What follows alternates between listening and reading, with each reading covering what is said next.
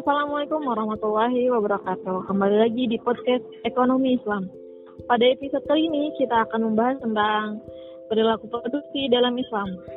Nah, pada uh, episode kali ini kita kedatangan lagi narasumber yang luar biasa, masih yang tetap dari ini ya, dari Universitas Parating Ekonomi Islam SEBI, yaitu Muhammad Abdul Aziz. Kita langsung sapa aja ya narasumbernya. Assalamualaikum warahmatullahi wabarakatuh. Waalaikumsalam warahmatullahi wabarakatuh. Teteh. Ya, gimana kabarnya nih Aziz? Alhamdulillah, luar biasa. Allahu Akbar. Alhamdulillah. Alhamdulillah. Ya, eh, Teteh yang... gimana kabarnya? Alhamdulillah. Baik juga nih. Gimana Seperti yang ini ya, Aziz yang kema kemarin kita udah bahas beberapa ini ya episode tentang mm-hmm. ekonomi Islam. Nah, sekarang kita akan bahas tentang ininya perilaku produksi dalam Islam. Oke. Okay. Nah, kita langsung aja ya. Nah, ini uh, sebenarnya apa sih produksi itu sih? Nah, jadi gini teh. Uh, terima uh, sebelumnya terima kasih kepada Teh Ocha yang telah mempersilahkan saya untuk uh, menjelaskan sedikit uh, perilaku produksi dalam Islam ini. Nah, tadi apa teh produksi ya? Iya. Nah, apa sih produksi itu? Nah, jadi produksi itu adalah satu kegiatan yang dikerjakan untuk menambah nilai guna satu barang atau menciptakan barang baru sehingga lebih bermanfaat dan dalam memenuhi kebutuhan.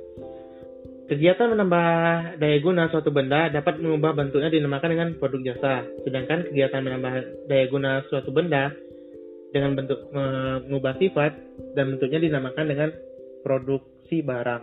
Nah, pada prinsipnya, pada prinsipnya nih teh dan teman-teman semua, kegiatan produksi sebagaimana kegiatan konsumsi terikat sepenuhnya dengan syariat Islam. Nah, oleh karena itu, kegiatan produksi merupakan mata rantai dari konsumsi. Maka,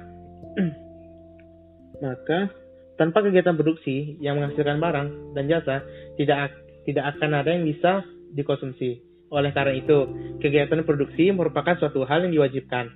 Karena karena tanpa kegiatan produksi maka sifat kehidupan akan berhenti.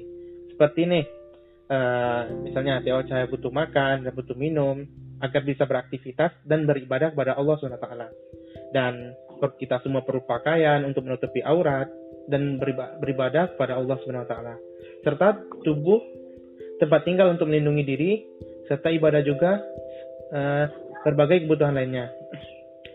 Allah Subhanahu wa taala telah menyediakan bahan baku berupa kekayaan alam dan sepenuhnya diciptakan untuk kepentingan manusia.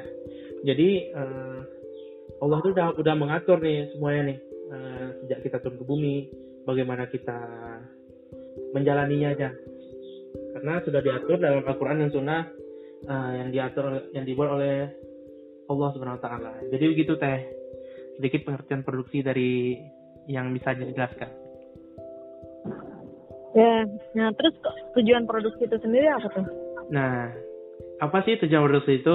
Nah, dalam konsep konsep uh, ekonomi konvensional atau uh, produksi di, di, yang dimaksudkan yaitu untuk memperoleh laba sebesar-besarnya Berbeda nih dengan tujuan eh, tujuan eh, produksi dalam ekonomi eh, Islam, yaitu tujuan produksi ekonomi Islam sendiri itu memberikan maslahah yang maksimum bagi konsumen. Walaupun dalam ekonomi Islam tujuan utamanya adalah memaksimalkan maslahat dan memperoleh laba tidaklah dilarang selama selama berada dalam uh, bingkai tujuan dan hukum Islam. Nah, jadi jadi gini, dalam konsep maslahah dirumuskan dengan keuntungan keuntungan ditambah dengan berkah. Nah, keuntungan bagi seorang produsen biasanya adalah laba yang diperoleh setelah dikurangi oleh faktor-faktor produksi. Sedangkan berkah berwujud segala hal yang memberikan uh, kebaikan dan manfaat bagi produsen sendiri dan manusia secara keseluruhan. Keseluruhan. Nah, jadi Keberkahan ini dapat dicapai oleh produsen ketika menerapkan prinsip dan nilai Islam dalam kegiatan produksinya.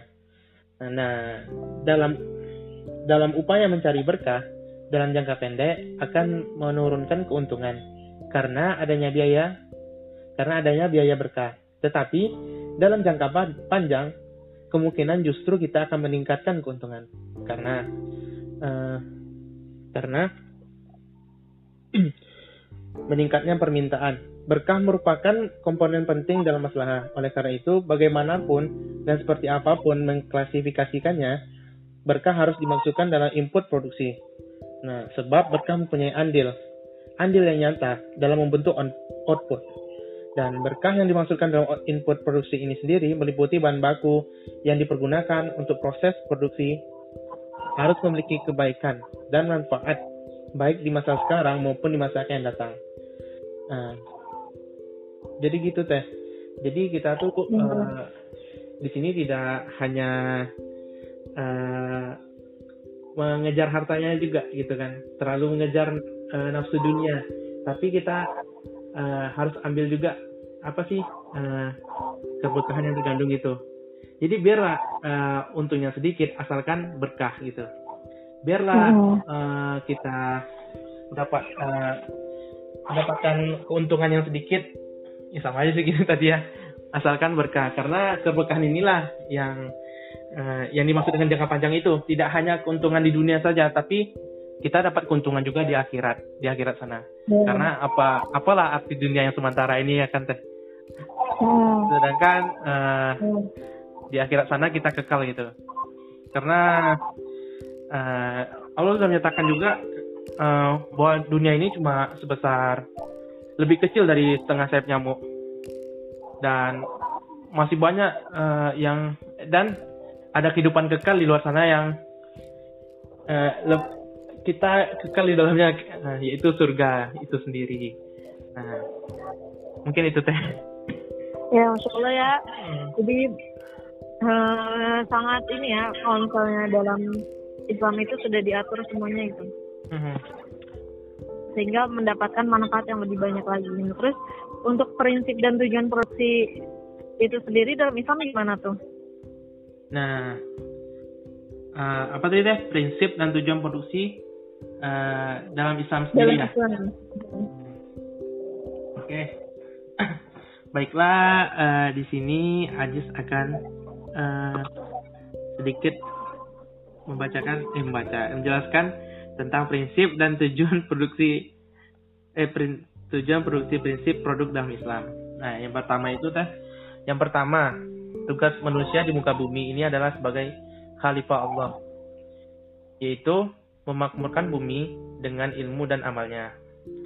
Dan yang kedua yaitu Islam Islam selalu mendorong kemajuan di bidang produksi. Dan yang ketiga, teknik produksi diserahkan kepada keinginan dan kemampuannya kemampuan manusia. Dan adapun yang keempat, uh, Islam menyukai kemudahan dan menghindari mudarat dan memaksimalkan manfaat. Nah, jadi apa yang sudah diatur oleh Islam ini sudah sebaik-baiknya uh, jalan yang diatur gitu. Uh, adanya dilarangnya ini karena ada mudaratnya dan dan Allah sudah uh, memerintahkan kita untuk untuk uh, menjalankan uh, perintah Nabi seperti sunnah sunnah Rasul gitu ya. Nah, dan dari situlah kita karena mematuhi perintah Allah kita diberikan kemudahan tidak hanya di dunia tapi di akhirat juga. Dan adapun kayak kada produksi yang pertama yaitu memproduksi barang dan jasa yang halal pada setiap tahapan produksi. Dan yang kedua, ada itu mencegah kerusakan di muka bumi, termasuk membatasi polusi, memelihara keserasian dan ketersediaan sumber daya alam. Adapun yang ketiga yaitu memenuhi kebutuhan individu dan masyarakat serta mencapai kemakmuran. Dan adapun yang keempat, kaidah-kaidah produksi yaitu memperhatikan tujuan dan kemandirian umat. Dan yang terakhir yaitu uh, meningkatkan kualitas sumber daya manusia, baik kualitas spiritual maupun mental dan fisik optimalisasi. Oke. Okay. Ya, masya Allah. Ya.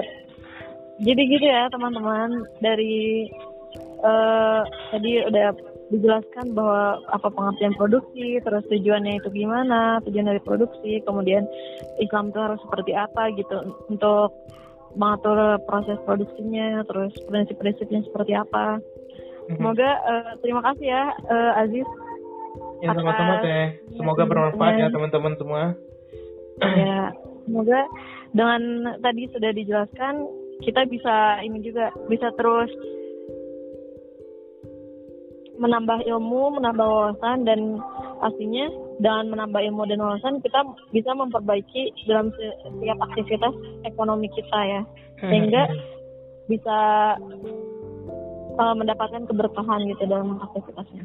Amin. Nah, mungkin segitu ya teman-teman di episode kali ini. Semoga bermanfaat. Saya selaku moderator pamit undur diri. Wassalamualaikum warahmatullahi wabarakatuh.